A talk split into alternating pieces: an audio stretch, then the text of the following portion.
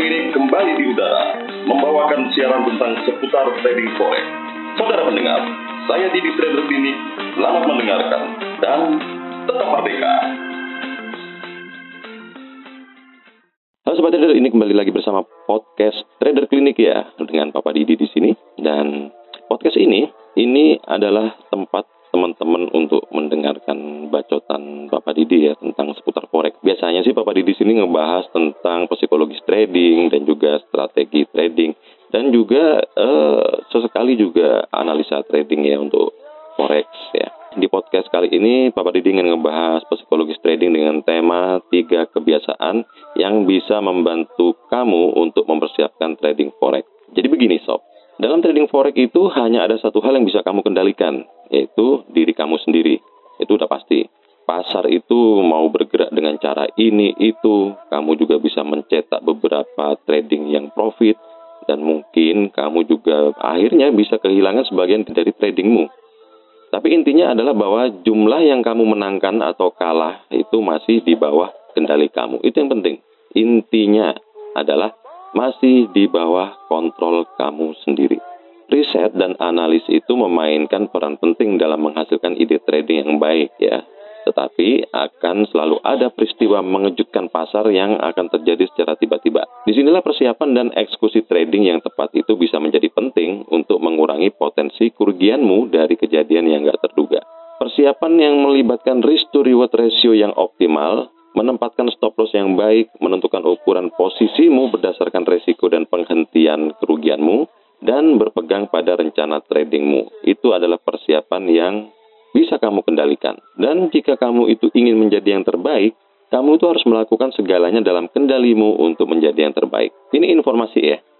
Papa dia mau cerita. Ini bagi kamu yang masih belum tahu siapa John Wooden, ini berikut ya latar belakang singkatnya. Pak Wooden ini dianggap oleh banyak orang sebagai pelatih terhebat masa itu termasuk memenangkan 10 kejuaraan nasional NCEA untuk bola basket pria. Dia itu juga dikenal dengan pendekatannya terhadap bola basket dan kehidupan secara umum. Dia selalu siap dan dia memperhatikan bahkan hingga detil terkecil, nggak peduli betapa kaburnya hal itu. Nih, salah satu contohnya ya. John Wooden itu ngajarin ya para pemainnya cara memakai kaos kaki yang benar. Lu bayangin. Itu benar ya.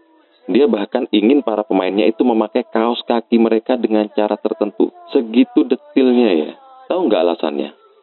Dia itu nggak menginginkan adanya lipatan atau lipatan pada kaos kaki yang dapat menyebabkan lecet dan berpotensi untuk melukai salah satu pemainnya. Jadi Wooden ini merasa bahwa kamu itu harus selalu memberikan yang terbaik dalam apa pun yang kamu rencanakan.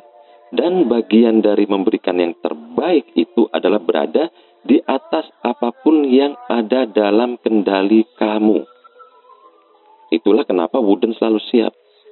Dia itu menguraikan setiap latihan hingga detil terakhir. Lu bayangin sampai kaos kaki aja perhatikan sama dia. Sehingga ketika waktu pertandingan itu tiba, dia udah tahu dia harus melakukan semua persiapan yang mungkin akan membantunya untuk sukses. Jadi kebiasaan seperti apa yang harus kamu kembangkan untuk membantu kamu mempersiapkan diri dalam trading forex? Ini sebenarnya banyak yang terlintas dalam pikiran ya. Tetapi Papa Didi mau coba persempit deh menjadi tiga aja. Yang pertama, Duh ini sampai bosan ya Papa Didi ini obrolin terus ya.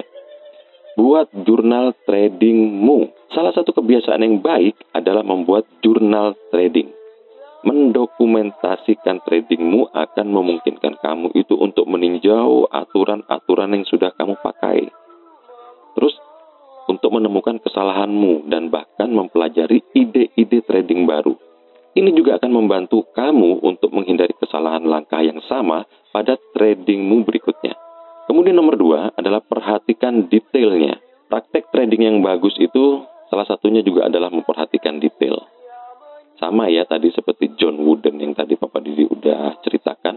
Yang menghindari cedera dengan menginstruksikan para pemainnya untuk mengenakan kaos kaki mereka dengan cara tertentu.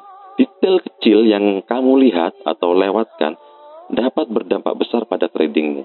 Seperti misalnya menempatkan lot 0,1 menjadi satu lot di trading Anda misalnya. Itu secara sengaja ataupun nggak sengaja itu akan bisa melipat gandakan kerugian kamu secara eksponensial. Kemudian nomor tiga, patuhi rutinitas harian. Nah, cara terbaik ya untuk bersiap secara konsisten adalah dengan mengembangkan rutinitas trading harian. Baik itu menghabiskan beberapa jam membaca berita atau menyiapkan trading plan. Mengembangkan rutinitas harian itu dapat sangat membantu dalam mempersiapkan kamu untuk trading hari itu. Ingat ya, pasar itu bisa menjadi rumit dan pergerakan harga tidak selalu berjalan sesuai keinginanmu. Tapi kamu juga harus selalu ingat bahwa kamu itu bisa mengendalikan diri kamu sendiri. Dengan mempersiapkan tradingmu, kamu bisa meminimalkan kemungkinan untuk mengulangi kesalahan atau membuat kesalahan baru. Itu ya sob ya, untuk psikologis trading di podcast Trader Klinik kali ini. Semoga ini bisa membantu kamu untuk memaksimalkan trading kamu, bisa membantu mental kamu, dan juga bisa memperbaiki kamu menjadi lebih positif dari hari ke hari. Stay tune terus, dengarkan terus podcast Trader Clinic bersama Papa Didi. Oke sahabat trader, happy trading dan